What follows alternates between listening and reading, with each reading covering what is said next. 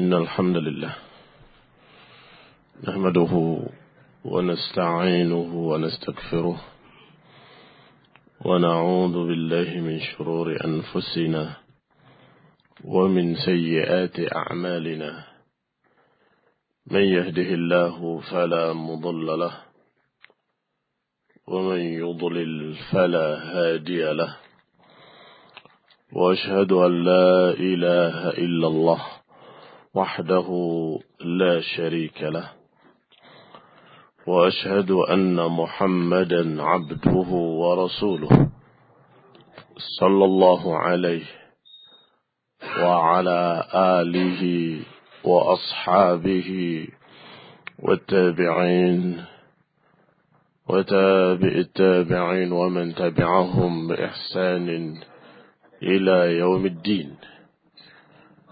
يا أيها الذين آمنوا اتقوا الله حق تقاته ولا تموتن إلا وأنتم مسلمون. يا أيها الناس اتقوا ربكم الذي خلقكم من نفس واحدة وخلق منها زوجها وبث منهما رجالا كثيرا ونساء. واتقوا الله الذي تساءلون به والأرحام. إن الله كان عليكم رقيبا. يا أيها الذين آمنوا اتقوا الله وقولوا قولا سديدا. يصلح لكم أعمالكم ويغفر لكم ذنوبكم ومن يطع الله ورسوله فقد فاز فوزا عظيما. أما بعد فإن خير الحديث كتاب الله وخير الهدي هدي محمد صلى الله عليه وعلى آله وسلم. وشر الأمور محدثاتها. فإن كل محدثة بدعة وكل بدعة ضلالة وكل ضلالة في النار. إخواني في الدين أعزكم الله. إخواني أهل السنة رحمني ورحمكم الله. عملا di qawlihi sallallahu alaihi wa ala alihi wasallam tentang hak seorang muslim terhadap muslim lainnya idza stansahaka fansahhu sebagai pengamalan terhadap hadis hak seorang muslim terhadap muslim lainnya kalau diminta nasihat maka berikan nasihat. Usikum wa iyaya bitaqwallah maka nasihat yang pertama adalah untuk takwallah. Agar kita bersama-sama bertakwa pada Allah subhanahu wa ta'ala. Yang berarti beramal, berbicara, meyakini, bersikap, semua karena Allah subhanahu wa ta'ala. Dan dalam rangka takwa kepada Allah subhanahu wa ta'ala.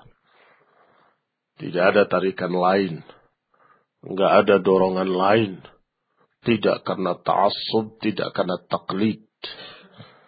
Tidak karena urusan hawa. Selera pribadi atau dendam pribadi. Tetapi harus semuanya dilandasi dengan ketakwaan kepada Allah subhanahu wa ta'ala. Dan kalau dikaitkan dengan fitnah, sebagaimana usulan beberapa ikhwah tausiah dalam fitnah. Maka saya katakan fitnah tidak akan pernah habis. Fitnah akan terus datang. Karena memang demikianlah yang namanya hidup di dunia darul ibtila, darul imtihan. Dunia ini adalah memang tempatnya ujian.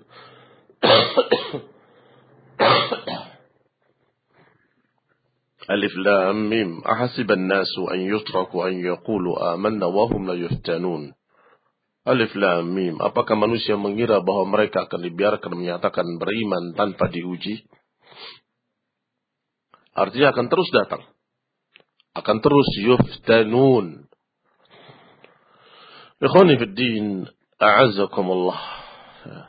Senada dengan itu Allah katakan, Am hasibtum an tadkhulul jannah, walamma ya'tikum mathalul ladina khalau min qablikum massathumul ba'sa'u wad-dharra'u wazulzilu. Apakah kalian mengira bahwa kalian akan masuk surga dalam keadaan belum datang pada kalian ujian yang seperti pernah menimpa orang-orang sebelum kalian? Massathumul ba'sa'u wad-dharra'u wazulzilu. Mereka ditimpa kejelekan, ditimpa kerugian, ditimpa ketakutan dan digoncangkan segoncang-goncangnya. Hatta yaqul ar-rasul walladzina amanu ma'ah. Hingga berkata Rasul dan orang beriman yang bersamanya, Mata Nasrullah. Kapan datangnya pertolongan Allah? Maka ikhwani fi din, a'azzakumullah. Ikhwani ahli sunnah, rahimani wa rahimakumullah. Selalu akan ada fitnah. Silih berganti kal as kal hasiri udan uda akan terus berdatangan fitnah-fitnah seperti anyaman tikar. Sudah selesai satu fitnah, datang fitnah berikutnya. Selesai fitnah yang berikutnya, datang fitnah yang berikutnya lagi. Dan demikianlah keadaannya. Tetapi Alhamdulillah, dengan rahmat Allah, dengan kasih sayangnya, Allah subhanahu wa ta'ala sudah memberikan perangkat-perangkat keselamatan. Allah subhanahu wa ta'ala sudah memberikan asbab agar kita istiqamah dalam segala fitnah. Tentunya yang pertama adalah Al-Quran itu sendiri yang Allah turunkan ayat-ayatnya, ucapannya yang sangat lengkap.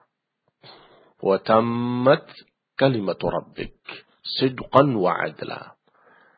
Wa tammat telah sempurna kalimat Rabbmu sidqan wa adla. Maknanya sidqan wa adla adalah sidqan fil akhbari wa adlan fil awamiri wan nawahi. Sidqan benar berita-beritanya.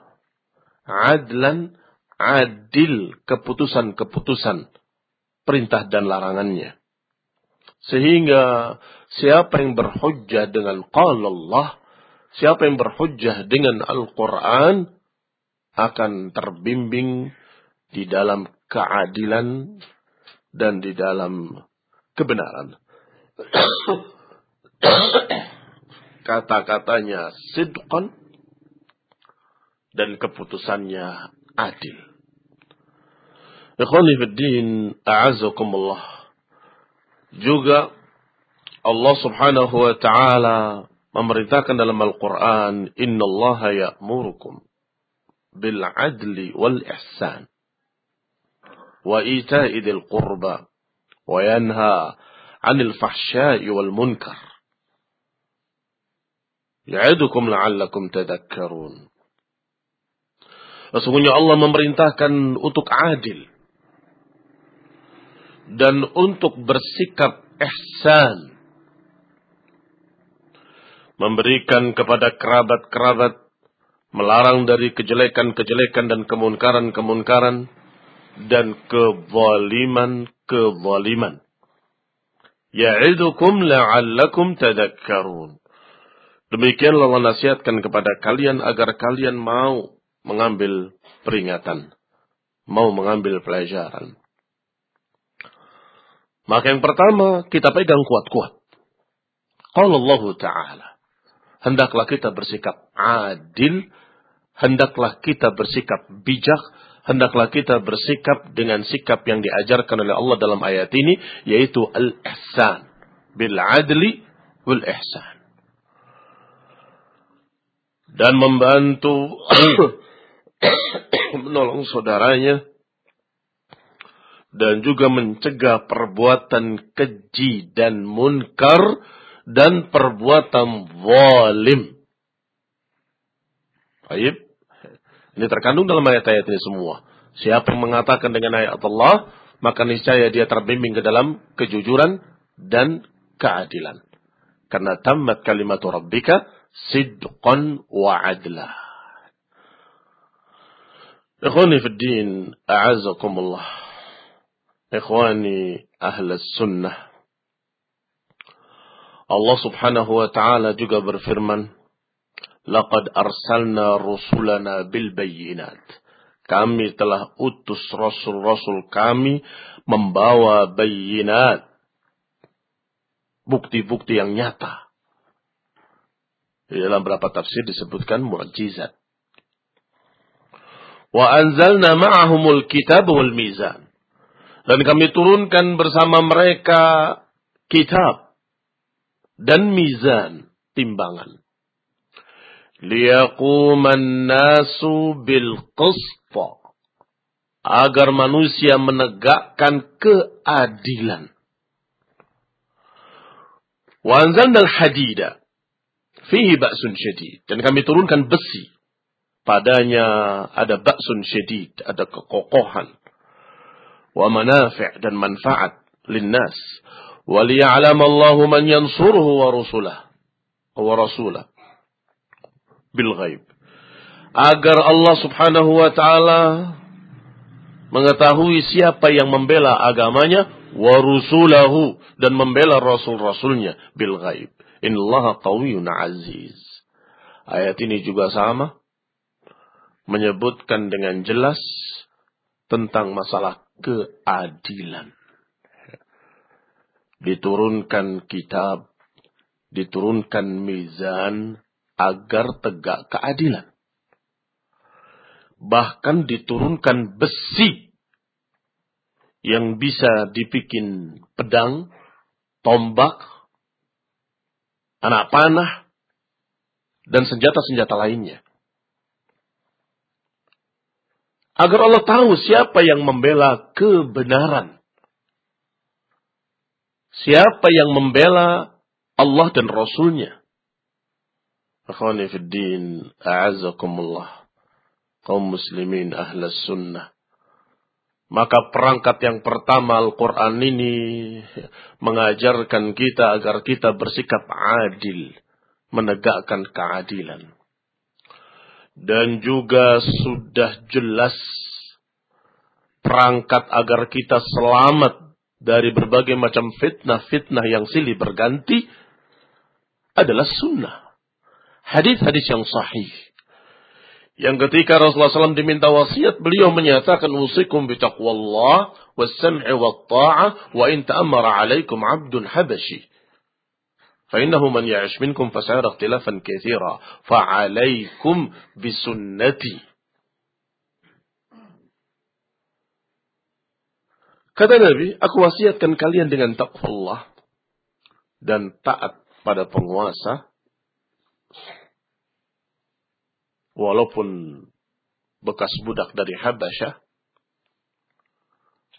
Kemudian kata beliau, siapa yang hidup di antara kalian nanti akan menyaksikan pertikaian. Ikhtilafan kethira. Itu termasuk fitnah. Termasuk ujian dihadapkan di hadapan kita sekian ikhtilafat. Kalau ikhtilafnya antara si fulan dan si alan mungkin kecil. Tetapi kalau ikhtilafnya di kalangan para ulama atau orang-orang yang dianggap ulama. Kita kembali pada ulama. Tapi ulamanya berbeda. Ini ujian. Ujian. Ikhwani fi din, a'azakumullah. Maka Nabi menyatakan, fa'alaikum bisunnati. Maka atas kalian untuk berpegang dengan sunnahku. Artinya dengan hujjah. Dengan dalil. Dengan qala Rasulullah sallallahu alaihi wa ala alihi wasallam. Baik, kita baca salah satunya. Rasulullah sallallahu alaihi wa ala alihi wasallam bersabda, "Innal muqsitina 'inda Allah 'ala manabirin min nur Sesungguhnya orang-orang yang bersikap adil, muksud, menegakkan al-qista, akan diberikan pada mereka mimbar-mimbar dari cahaya. Di sisi Allah yang Maha Rahman. Di kanan. Ala yaminir Rahman di kanan Allah yang Maha Rahman, wakil tayadaihi yamin dan kedua tangan Allah kanan. Alladzina ya'diluna fi hukmihim, yaitu mereka-mereka yang adil dalam menghukumi. Ikhwani fi din, a'azakumullah hadis akhrajahu Muslimun fi sahihih. Berarti kita berpegang dengan ayat disuruh adil berpegang dengan hadis disuruh adil. Sebagaimana hadis lainnya dari Anas bin Malik radhiyallahu taala anhu qal qala sallallahu alaihi wa ala alihi wasallam idza hakamtum fa'dilu kalau kalian menghukumi bersikap adillah wa idza qataltum fa kalau kalian membunuh maka bersikap baiklah dalam membunuh فإن الله عز وجل محسن يحب المحسنين karena Allah muhsin dan cinta kepada orang-orang yang muhsin Ikhwan ibn a'azakumullah hadis ini disahihkan oleh Syekh Al-Albani rahimahullahu taala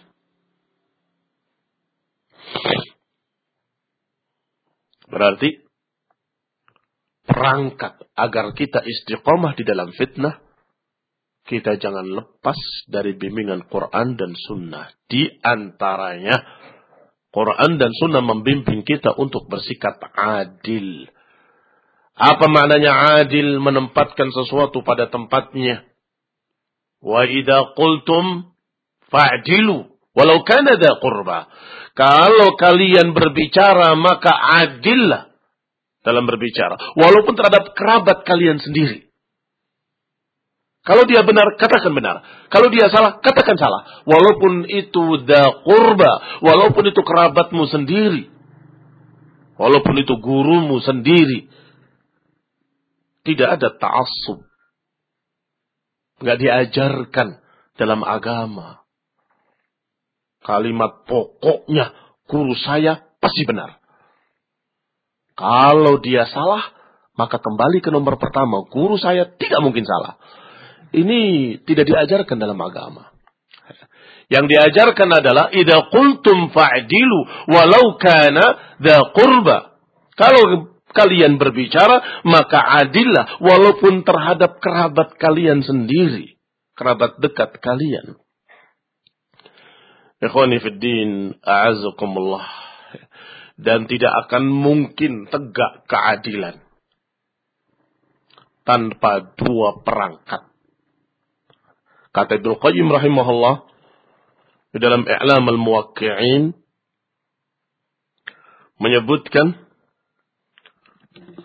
bahwasanya hukum terhadap sesuatu harus dibangun di atas dua perkara. Pertama, mengetahui apa yang akan dihukumi dengan yakin. Artinya dengan bukti-bukti.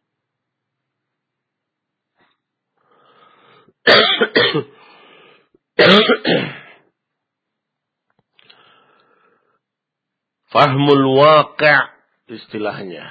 Mengetahui kondisi yang terjadi, apa yang terjadi. Dengan bukti-bukti, dengan tanda-tanda, dengan alamat, dengan saksi-saksi. Hatta yuhitu bihi. Hingga dia tahu. Betul kejadiannya. Baru kedua,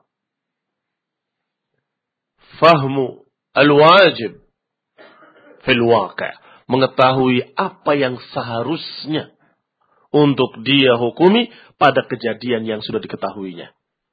Berarti ilmu syar'i, ilmu agama, ilmu fiqh. Di sini la ikhwani fid din a'azakumullah Rasulullah SAW menyatakan man ra'a minkum munkaran falyughayyirhu. Siapa yang melihat kemunkaran maka rubahlah dengan tangannya. Ternyata kata Syekh Ibn Utsaimin rahimahullah makna ra'a ay ra'a bi'ainihi wa ra'a bi'ilmihi.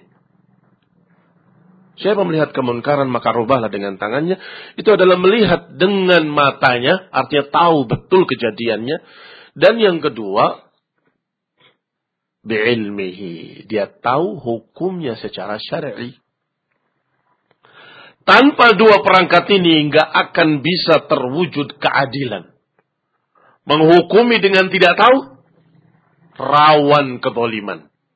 Menghukumi dengan tanpa bukti, rawan dengan keboliman-keboliman. Akan terjadi berbagai macam bagi. Wal-zulm. Wal-kezib. Syekhul Islam Ibnu Taimiyah rahimahullah berkata, "Walamma kana al-'adl la budda an yataqaddamuhu 'ilmun." Idman la ya'lam la yadri. Mal 'adl? Kata Syekhul Islam Ibnu Taimiyah rahimahullah, bahwa keadilan itu harus didahului dengan ilmu. Keadilan harus didahului dengan ilmu. Karena tidak mungkin tanpa ilmu seseorang akan tahu apa itu adil. Dan yang kaya apa yang dikatakan adil. Wal insanu zulmun jahil. Sedangkan manusia itu zaluman jahula. Tanpa bimbingan ilmu, manusia ini dikatakan oleh Allah, wa kana insan zaluman jahula. Maka ikhwan fiddin, a'azakumullah. Ini fitnah yang terakhir terjadi adalah tuduhan kepada masyayikh ahli sunnah, murid-muridnya Syekh Rabi', murid-muridnya Syekh Ubaid, murid-muridnya Syekh Abdullah Bukhari, bahkan murid-murid Syekh Muhammad bin Hadi sendiri. Senior, bukan murid biasa, murid senior. Sebagian mereka doktor, sebagian mereka magister, sebagian mereka sedang mengambil doktor. Dituduh dengan tuduhan sa'afiqah. Dengan tanpa bukti. Dibawakan alasan-alasannya kepada Syekh Rabi. Dibaca oleh beliau. Ada yang tanya kepadanya Syekh, apakah betul sudah dibawakan kepada engkau sekian sekian kertas-kertas lembaran-lembaran, tapi engkau tidak sempat baca. Kata siapa? Aku baca dari awal sampai akhir dan aku lihat tidak ada bukti sama sekali. Laisalahu jadi. Ini diucapkan oleh Syekh Rabi berkali-kali. Artinya bukan hanya sekali. Datang orang lain dari Libya dijawab dengan sama. Datang orang dari Maghrib dijawab dengan sama. Datang orang dari Holanda dijawab dengan sama. Ma indahum dalil. Ma indahum hujjah. Zulm. Ini keboliman, kata Syekh. Mau apa lagi? Ya. Kalau sudah apa yang mereka anggap bukti ternyata bukan bukti dan tidak diterima oleh ulama kibar, maka cukuplah bagi kita menerima nasihat Imam Al-Allamah Rabi' ibn Hadi Al-Madkhali hafizahullah taala wa ra'ah. Dan saya sendiri kebetulan ketemu kemarin sempat mengunjungi beliau di pembaringannya. Wajahnya sangat segar, sehat, berbicara dengan tegas. Tidak seperti yang digambarkan oleh sebagian orang. Sudah tua, kasihan, rentam, masih lupa-lupa ingat. Kata siapa? Alhamdulillah. Kembali beliau menyatakan dengan nada yang sama.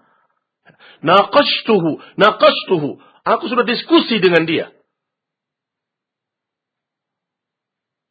Laisa lahu syai' tidak memiliki sedikit pun hujjah.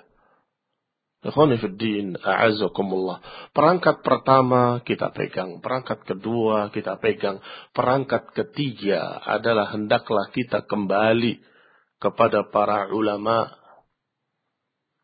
kembali kepada kibar.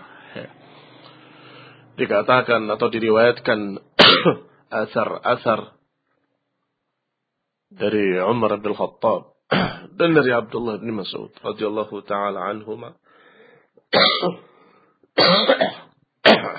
Aku tahu mata salahan nas. Aku tahu kapan manusia jadi baik dan kapan fasad nas. Kapan rusaknya manusia. Aku tahu kalau mereka mengambil ilmu dari akabirihim, maka mereka akan jadi baik. Dan kalau mereka mengambil dari orang-orang kecilnya, halaku. Mereka binasa. Atau dalam lafaz dari Abdullah bin Mas'ud radhiyallahu taala anhu, dia menyatakan la yazalun nas khairan. Atau kama qala radhiyallahu anhu. Manusia akan tetap dalam keadaan baik ma akhadul ilma an akabirihim wa ulamaihim wa umanaihim. Manusia akan selamat dan akan tetap dalam keadaan baik selama mereka mengambil ilmu dari orang-orang yang memiliki tiga kriteria ini. Pertama, ulamaihim, akabirihim, wa umanaihim. Ulama yang berilmu. Akabir yang berumur. Yang ketiga, umana, amanah. Mungkin ada pertanyaan, kenapa kok umur juga dibahas? Ibnu Qutaibah Ad-Dainuri rahimahullah. Ketika menafsirkan atau ketika menerangkan asar ini, dari Umar bin Khattab radhiyallahu taala anhu dan lainnya, Beliau menyatakan karena ma'asinni al-waqar wal haibah. Karena bersama umur ada pengalaman, bersama umur ada khibrah, bersama umur ada kebijakan, ini lebih lebih hikmah. Bersama umur sudah hilang dari mereka kekanak-kanakan. Jadi jangan dijadikan sebagai aib. Oh syekhnya sudah tua. Terbalik. Justru semakin matang itu pujian. Berarti dia kabirul ilmi wa kabirul sinni. Adapun ucapan-ucapan yang mungkin sudah tua, jangan-jangan pikun, jangan-jangan begini. Ini perlu pembuktian. Kalau nggak ada pembuktian berarti itu kedoliman yang berikutnya kedoliman yang berikutnya. Kenyataannya ketika didatangi oleh seseorang ulama, oleh Syekh Abdullah Al-Dhafiri, Hafizullah, ditanya oleh Syekh Rabi, dijawab begini-begini, kemudian mau menyebutkan satu orang lupa. Syekh Abdullahnya lupa. Yang ingatkan Syekh Rabi. Fulan. Terkejut beliau. Masya Allah. Syekh tidak berkurang zakirahnya sedikit pun. Masih hafiz, cerdas, alim. Masin bersama umur ada kewibawaan. Bersama umur ada pengalaman. Bersama umur dia tahu sekian kejadian yang telah lewat yang mirip dengan kejadian yang sekarang. Bersama umur hilang masa-masa muda. Apa itu? Sifat-sifat muda. Sifat muda itu terburu-buru, pemarah, emosional, ngamuan. Itu anak muda. Tersinggung, marah. Dasar kamu begini-begini habis. Lupa sama ilmunya. Orang tua nggak begitu. Orang tua selalu melihat dengan bijak. Lebih sabar. Lebih sabar. Ikhwani fid din azakumullah. La yazalun nas bi khairin ma akhadul ilma an akabirihim wa ulamaihim wa umanaihim. Ikhwani fi din, a'azakumullah. Ikhwani ahla sunnah, rahimani wa rahimakumullah. Emang tuduhan so'afika itu apa sih maksudnya? so'afika itu bentuk jamak dari so'fuk. So'fuk itu artinya orang yang nggak punya modal. Mau dagang di pasar nggak punya modal. Su'fuk. Sehingga ketika kita bertanya kepada Syekh Rabi' tentang fitnah sa'afikah ini, bahwa di tempat kami pun ada orang-orang yang ikut berbicara tentang sa'afikah. Apakah ini tidak merusak suluh? Kata Syekh Rabi' Hafizahullah Ta'ala wa ra'ah. Nah, yufsid. Merusak suluh. Dan itu keboliman. Dan dusta. Disebutkan oleh beliau tiga. Pertama merusak suluh. Kedua zalim. Dan ketiga dusta. Kenyataannya mereka tidak sofuk. Kenyataannya mereka orang berilmu. Sebagian mereka doktor, sebagian mereka sedang mengambil gelar doktor. Bagaimana dikatakan sa'fuk? Hada kadhib kata beliau. Ini dusta. Kama qala hafadhahullah ta'ala. Ikhwani fi din, a'azakumullah. Ikhwani ahla sunnah salafiyun. Kembali kepada ucapan Allah dan ucapan Rasulnya. Inna Allah ya'murukum bil adl Allah memerintahkan kalian untuk bersikap adil. Kalau sesuatu tanpa bukti jangan diterima. Itu namanya adil. Sebagaimana Syekh menasehatkan juga kepada beberapa ikhwah salafiyin. Dan ini subhanallah. Fitnah sa'afiqah ini memecah belah ahli sunnah di seluruh dunia. Sehingga yang datang bukan hanya kita dari Indonesia. Kita datang dijawab dengan sama. Datang dari Libya sama. Datang dari Holanda sama. Datang dari Maghrib sama. Di sana pecah juga. Dengan fitnah yang sama. Dan dijawab oleh Syekh Rabi dengan jawaban yang sama. Laisa indahum dalil. Mereka tidak punya dalil. Mereka tidak punya hujjah. Hada dhulm. Ini kezaliman.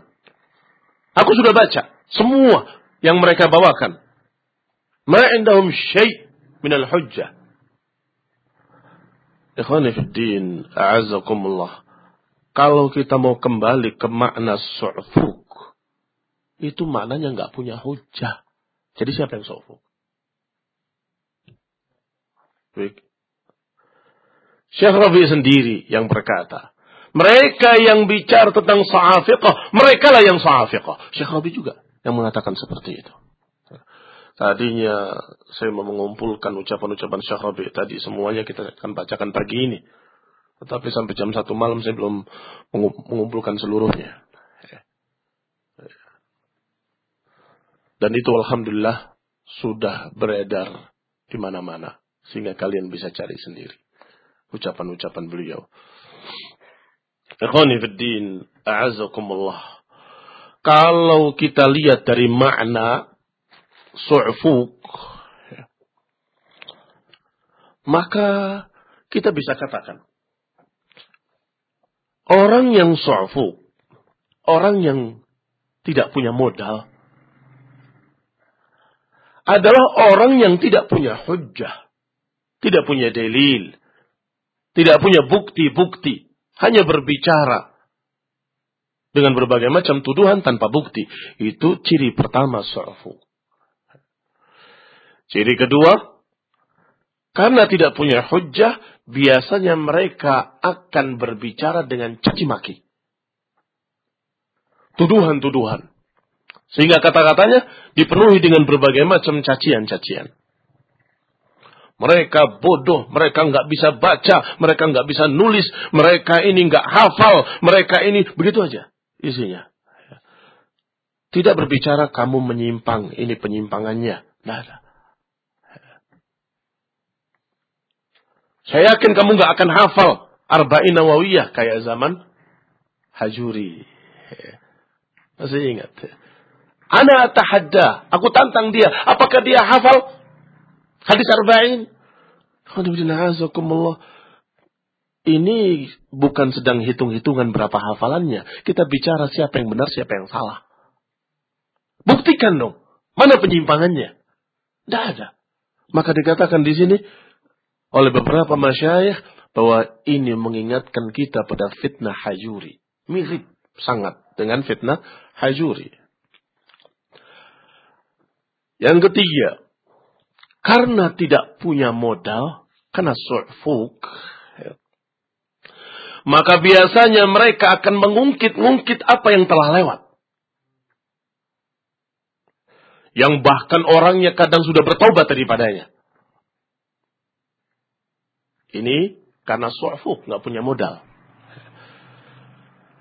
Kalau yang di sana tuduhan yang mengerikan, seperti tuduhan akhir zina. Akhir khamar irbid. Ngeri sekali. Ya. Wallahi, kalimat ini tidak kalimat sembarangan. Mereka-mereka yang menuduh muhsanat itu dengan tuduhan zina harus mendatangkan empat saksi dalam syariat. Tidak mendatangkan empat saksi, maka dia yang akan dicambuk. Dan subhanallah, yang dituduhnya ini melaporkan ke polisi. Dan sudah mulai ditanya, dipanggil untuk ditanya. Jadi gimana? Saya nggak ikut-ikut. Saya bukan penuduh, saya bukan yang dituduh. Tetapi hanya melihat pelajaran. Jangan kita ini membantah dipenuhi dengan tuduhan tanpa bukti. Jangan. Dengan ilmiah.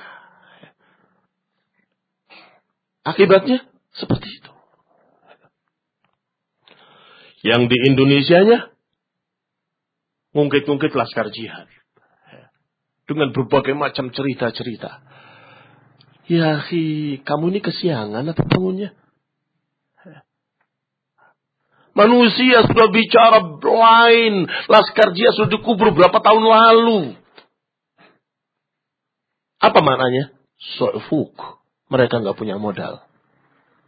Sehingga ngungkit-ngungkit apa yang sudah lewat. Yang sudah kita umumkan taubatnya di majalah, di buletin, di internet, di web, di mana-mana. Masya Allah. buta tuli bisu, tidak tahu sama sekali. Atau kesiangan bangunnya.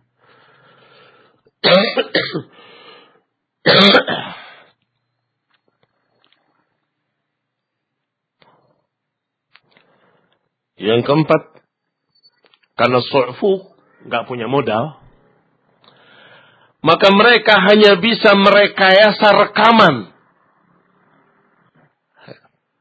Nukil dari Syekh Robi awalnya dibuang belakangnya. Nukil dari Syekh Ubaid awalnya buang yang ininya, ambil yang itunya.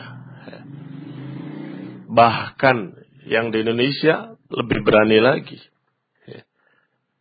Dipotong kalimat tidaknya. Yang harusnya itu kalimat nafiyah menjadi kalimat musbattah.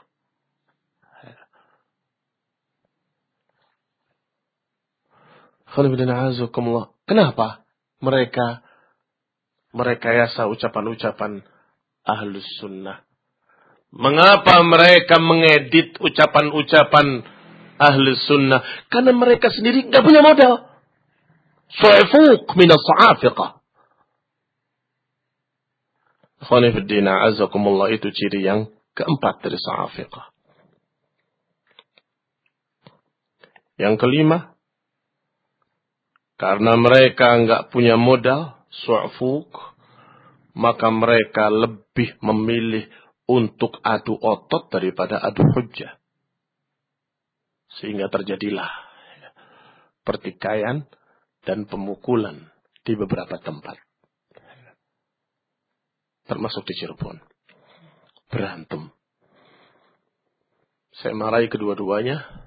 Dan saya katakan sekali lagi terjadi kalian keluar dari sini dan gak usah balik lagi ke sini dua-duanya. Mengapa? Nantang-nantang berantem. Gak bisa jawab. Gak punya hujah.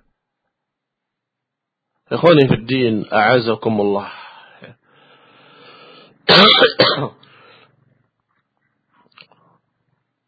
Pulang dari masyayikh. Pulang dari masyayikh. Habis diislahkan. Habis suluh ini. Datang. Bicara. Sesungguhnya. Syekh Muhammad bin Hadi sudah bilang. Bahwa Luqman itu termasuk so'afiqah. Baru datang. Sudah ngerusak suluh. Dan itu bukan bukan saya dengar dari orang lain, saya yang dengar sendiri dari Solehuddin. Mau apa? Mau saya bersumpah dengan nama Allah? Saya akan sumpah. Terus apa maknanya suluh? Kalau seperti ini. Terus menyebarkan ucapan-ucapan al-asi. Orang yang bermaksiat dihukum ngamuk. Menjelek-jelekan Ustaz Lukman dan lain-lain. Terus apa maknanya solo? Tahu kalian sebab wurud, sebab terjadinya suluh? Tahu enggak? Barangkali sebagian tidak tahu. Mereka berduyun-duyun datang ke Syekh Muhammad bin Hadi melaporkan segala macam apa yang terjadi pada asatidah ini dengan berbagai macam tuduhan-tuduhan. Dengan berbagai macam ucapan-ucapan yang dibuat oleh mereka. Dapat jawaban yang mereka mau. Dapat jawaban yang mereka mau. Ternyata ketika masuk sumber lain, berita lain, baru Syekh Muhammad berpikir ulang dan dipanggil oleh Syekh Rabi, "Ta'al." Diceritakan begini begini begini. Kalas. Kalau gitu kumpulkan dua belah pihak. Jadi suluh itu meralat apa yang mereka dapatkan dari Syekh Muhammad bin Hadi sebelum suluh. Paham? Setelah dilaporkan ke Syekh Rabi, kemudian Syekh Muhammad ditegur, dipanggil, kemudian didudukkan. Itu pun masih ada pembicaraan di dalamnya. Ketika mau ditulis tentang hendaklah begini-begini, Sadluk menyampaikan tentang orang yang disuruh mengajar dalam keadaan menganggap punya anak tak terlihat. Imam Mahdi. Paket. Syekh Muhammad aja kaget juga. Hah? Saya? Itu sudah keluar sih. Siapa yang keluarkan? Kalian apa kami? Siapa yang mulai? Mulai melihat berarti ini tidak valid beritanya. Wallahi ada masalah-masalah disampaikan oleh Ustaz Luqman. Syekh Muhammad mengatakan, "Hum yaqulun." Hum yaqulun. Mereka berkata. Itu kata mereka. Kata mereka. Artinya apa? Beliau sendiri tidak yakin. Itu kata mereka. Sehingga seharusnya kalau memang menerima suluh ini, ya sudah. Apa yang kamu katakan kemarin tutup. Ya. Bukan selalu berbicara di majlis, majlis, majlis.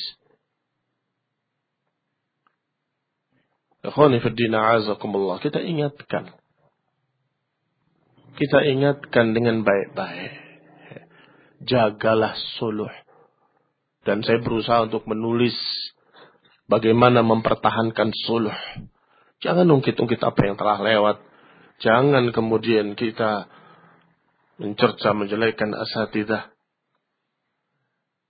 Kalau terus menerus berbicara tentang asatidah al sunnah, itu bukan suluh. Dan termasuk merusak suluh adalah berbicara tentang masalah sa'afiqah dibawa berita tadi ke sini. Karena itu tadi yang sudah keceplosan dari Salehuddin. Bahwa Ustaz Lukman termasuk sa'afiqah. Jadi mereka semangat sa'afiqah, sa'afiqah. Sampai mereka plesetkan nama Majmuah Salafi WSI dengan apa WhatsApp Soafiqah Indonesia. S-nya diganti Soafiqah oleh mereka.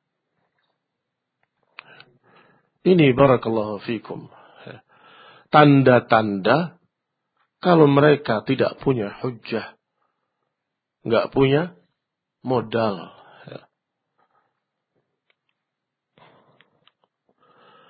Karena mereka su'fuk, nggak punya modal, maka mereka memaksakan dalil pada satu perkara yang tidak berkait.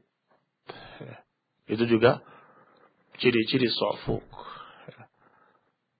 Memaksakan hujjah. Ini hujjah, ini adillah, ini bukti.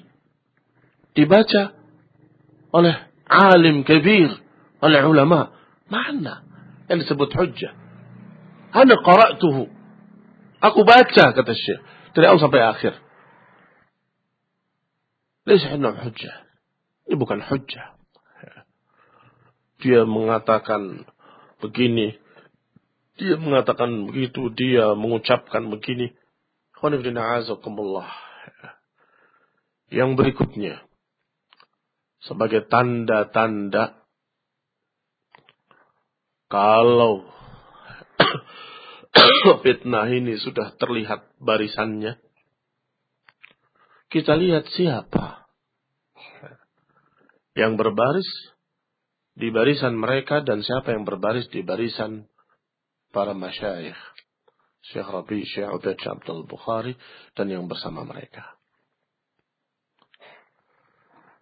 Kalau di Indonesia kalian tahu sendiri para BSH, barisan sakit hati, yang pernah ditahdir, yang pernah diusir, yang pernah ditegur dengan keras, yang pernah kasus, ya, itu berbaris di belakang mereka.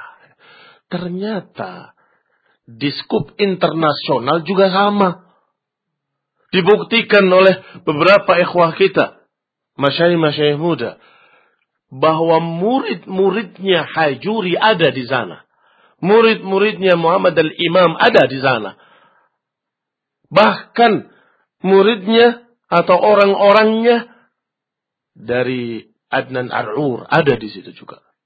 Bergabung bersama mereka. Dalam hati saya, berarti sama. Berarti mirip. Akhwani fi azakumullah.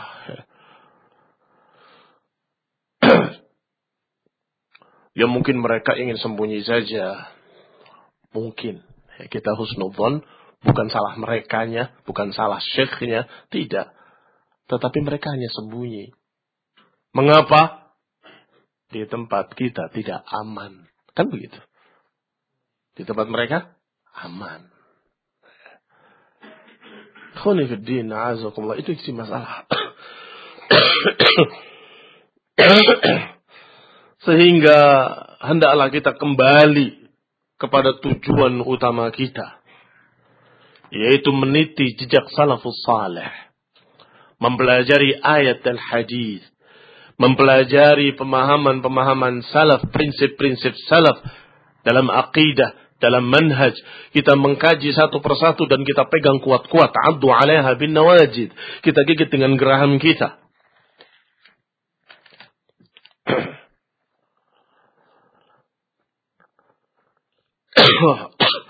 La yuhibbullahu al-jahra bisu. Allah nggak suka menjaharkan kejelekan-kejelekan minal qawli illa man zalim. Allah tidak suka al-jahr bisu kecuali orang yang terzalimi sehingga mau tidak mau terpaksa ditulis bantahan-bantahan. Dengan sopan. Kepada Syekh Muhammad bin Hadi. Hafizullah Ta'ala. Dengan sopan. Saya baca kata-katanya sangat sopan. Tetapi kembali mereka marah. Seakan-akan tidak boleh ada bantahan.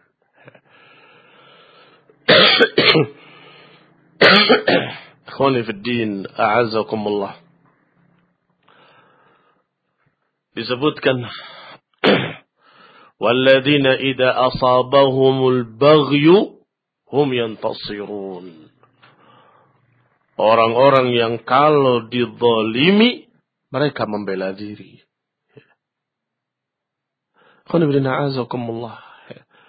Ini kasus barakallahu fikum bukan baru tahun ini sudah sekian tahun yang lalu dan itu baru dibuka dalam bantahan-bantahan mereka. Kami sudah berupaya mendatanginya. Kami sudah berupaya untuk menanyakannya. Kami disuruh oleh Syekh Rabi untuk duduk dengannya. Terus. Tapi tetap tidak ada kejelasan apa alasannya. Sampai ketika menulis bantahan, juga minta bimbingan kepada Syekh Rabi dan Syekh Ubaidiyah. Syekh, bagaimana kalau aku tulis seperti ini? Tidak mengapa. Dengan baik. Dengan ilmiah. Di antaranya mukaddimah kita tadi tentang masalah adil, saya ambil dari bantahan mereka. Dari bantahan Syekh Abdul Ilah. Nah. Mukaddimah tentang masalah keadilan. Ikhwani fiddin, a'azakumullah.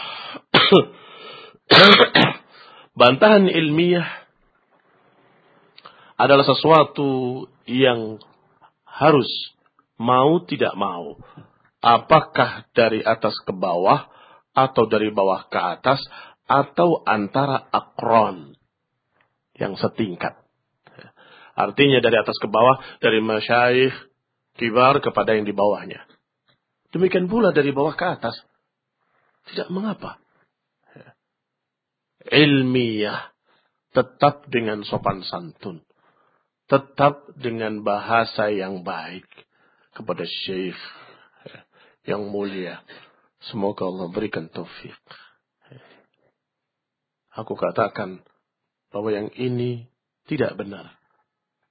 Semoga syekh yang mulia mendapatkan taufik dari Allah Ta'ala. Kenapa? Ikhwani fi din, a'azakumullah.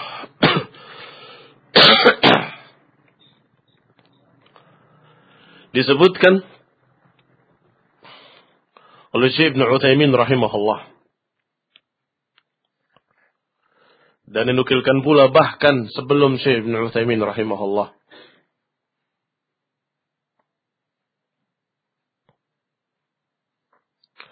Kata Syekhul Islam Ibnu Taimiyah rahimahullah, para anbiya ma'sumun. Para anbiya adalah orang yang maksum terjaga dari kesalahan. Bikhilafil wahid minal ulama. Berbeda dengan salah seorang ulama atau umara. Fa'innahu laysa ma'suman. Mereka tidak ma'sum. Walihada yusawwag. Bal yajib an nubayyinil haq kata Syekhul Islam, maka yusawwir, pantas, bahkan harus menjelaskan kebenaran dan wajib mengikuti kebenaran in kana fihi bayan khata kalau di dalamnya ada penjelasan kesalahan yang terjatuh padanya para ulama. Tetap dengan bahasa yang memuliakan beliau, hafizahullah. Tetap dengan bahasa yang memuliakan beliau para ulama tersebut dengan sopan. Ucapan Imam Ibn Rajab. وكذلك المشايخ والعارفون كانوا يصونون بقبول الحق من كل من قال al-haq. Saghiran kana au. Kata Ibn Rajab, demikian pula para masyayikh, para ulama. Mereka semestinya menerima kebenaran dari setiap yang menyampaikan kebenaran. Apakah yang kecil ataupun yang besar. Lahu. Dan harus terikat dengan kebenaran itu. Apalagi intinya dari kibar. Intinya dari Syekh Rabi. Syekh Rabi menyatakan laisa lahum hujjah, laisa lahum dalil ila akhirnya. Kemudian ditulis oleh muridnya. Masyayikh. Maka itu sesungguhnya dari masyayikh. Dengan izin masyayikh kibar. Bukankah Syekh Muhammad bin Hadi juga kibar? Naam. Wa Syekh Rabi akbar minhu. Allah. Sungguh mengingatkan saya ketika saya berbicara dengan seorang hajuri. Ketika dia berbicara macam-macam, saya hanya berkata, kita tunggu masyaih kibar. Saya ajarkan. Saya nggak bantah inti masalahnya. Saya hanya mengajarkan kepada dia untuk kembali pada ulama kibar. Apa jawabannya? Orang ini. Kata orang ini, bukankah Syekh juga kibar? Oh, berarti katak dalam tempurung dia. Dia nggak kenal ada sekian masyai yang akbar minal hajuri. Saya katakan masyai kibar, bukankah Syekh juga kibar? Bagaimana masih mau berbicara? Ikhwani fiddin, a'azakumullah. Ternyata kembali terulang kalimat-kalimat yang seperti ini. Ya. Walaupun jauh Syekh Muhammad bin Hadi jauh lebih baik, lebih alim, lebih tinggi daripada Hajuri, daripada Yahya al-Hajuri. Ikhwani fi din, a'azakumullah. Ikhwanina ahla sunnah salafiyun. Apa yang saya sampaikan pagi ini, barakallahu fikum adalah untuk kalian. Bukan untuk konsumsi umum. Makanya saya panggil ya ahla sunnah, ya salafiyun. Artinya mereka-mereka dalam keadaan masih kita ajak untuk masuk atau untuk bisa menerima dakwah salafiyah, belum waktunya mereka dan mereka belum saatnya kita ajak untuk perkara-perkara yang mereka belum tahu, belum mengerti. Bahkan akan muncul kesimpulan, oh, berarti kalian ribut ya. Sama salafiyin. Tidak. Kasihan mereka. Nanti ketika mereka Rasulullah SAW ya bertanya sesuatu karena mereka mendapatkan syubhat, kita luruskan. Ala qadril hajah. Sesuai dengan hajat. Setelah Ibnu Rajab dan Syekhul Islam Ibnu Taimiyah, kita bawakan ucapan Syekh Al-Allamah Ibnu Ibnu Utsaimin rahimahullah. masih dari makalah yang sama. Al-Ibana an awham wa aghalid ma fil kinana. Bantahan kepada Syekh Muhammad bin Hadi.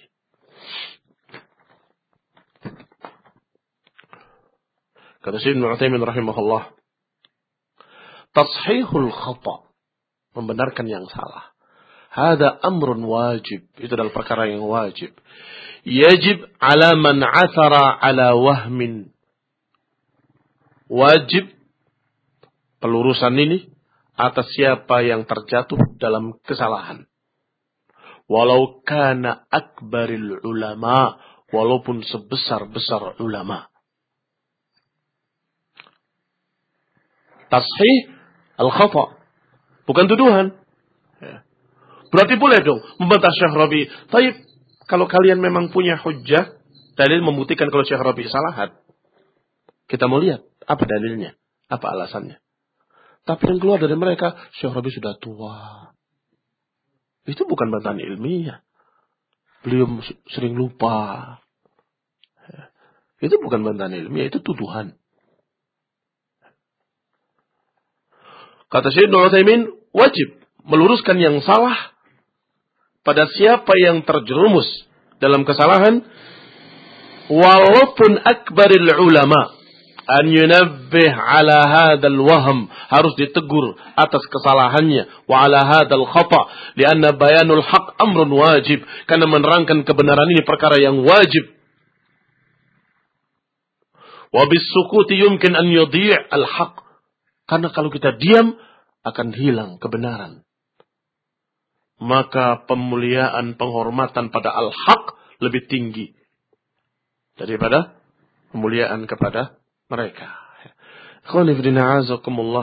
Demikian ucapan Syekh Ibn Uthaymin rahimahullah dalam kitab al-ilm. Sehingga tinggal kita lihat bantahan Nizar. Bantahan Abdul Ilah misalnya. Bantahan ilmiah dengan sopan atau tuduhan. Kita lihat.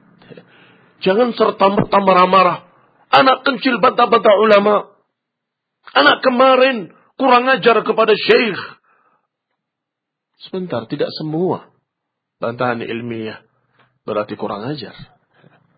Pertama dilihat bahasanya, bahasa kurang ajar atau bahasa sopan.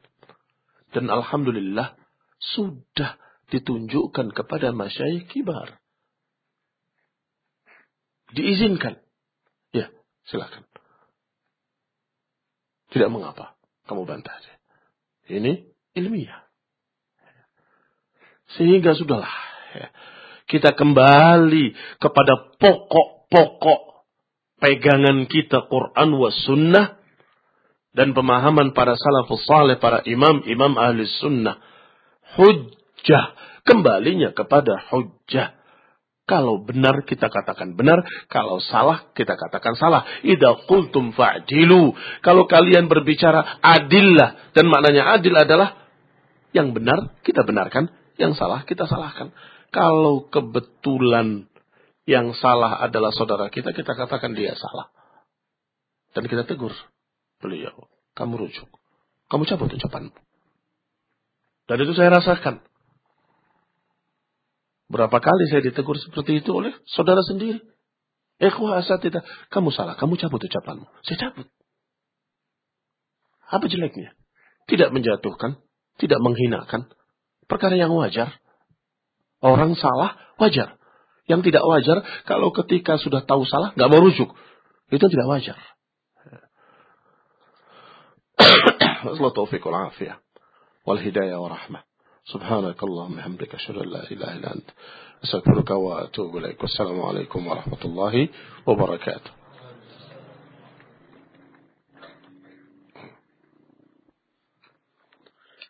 Biasanya kalau tausiah itu nggak ada pertanyaan.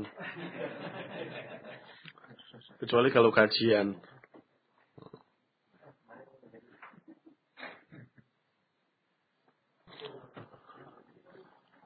Apakah fitnah fikah ini dapat menghilangkan sulh? Apakah hingga saat ini sulh tetap masih ada? Dirusak oleh mereka sendiri sejak pulang dari suluh. Dirusak oleh mereka sendiri sejak pulang dari suluh. Dan khususnya ketika mereka bicara tentang masalah ini, menjelekkan masyayikh dengan julukan soal fiqh di media-media mereka. Termasuk di multakoknya Tul Akmal. Bicara dan menerjemahkan segala fitnah-fitnah disebarkan di tengah-tengah mereka.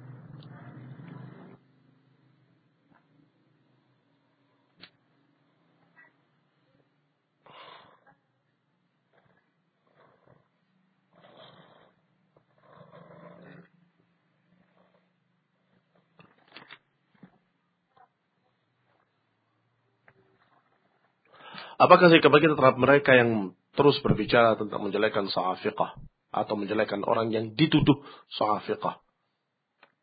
Saya katakan jauhi mereka. Nah, Allah Ta'ala alam. Karena itu satu-satunya cara untuk kita tidak terkena fitnah dan syubhat-syubhat tersebut. Yang akhirnya kita yang tadinya memuliakan ulama, jadi menjatuhkan ulama. Kalian tahu siapa Syekh Abdullah uh, Abdurrahim Al-Bukhari? Pernah datang ke Indonesia. Kabirus sin. Sudah tua.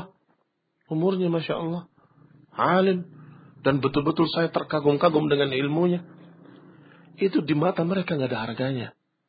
Dengan julukan soal fiqh. Wallahi entah sebesar apa dosa mereka di sisi Allah Ta'ala. Melecehkan seorang syekh alim. Kabir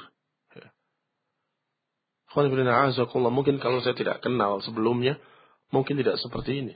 Kita sudah kenal, sudah tahu, sudah berbicara, sudah menimba ilmunya, sudah melihat bukunya, sudah membaca kitabnya. Syekh Abdullah Salfiq. Ya walaupun beda sedikit dengan Syekh Muhammad bin Hadi, tapi tetap lebih tua. habis. Padahal saya merasa mendapatkan hidayah dari Allah Subhanahu wa taala di antara sebabnya adalah bukunya beliau. Salus Suyuf. Masih ingat tahun berapa itu saya bicara membaca kitab Salus Suyuf al-Sunnah? Sudah berapa puluh tahun yang lalu. Sebelum Laskar Jihad. Sampai orang bilang itu buku pintarnya Ustaz Muhammad. Ke mana-mana salus suyuf, salus suyuf terus. Nah. Beliau juga habis dicerca Bilang kadzab, dibilang naudzubillah. Ya, ucapan-ucapan yang mengerikan. Ini fitnah barakallahu fikum tidak kalah dengan fitnah hajuri. Siapa korbannya fitnah hajuri? Masyayikh wal ulama. Sekarang juga sama. Korbannya masyayikh wal ulama.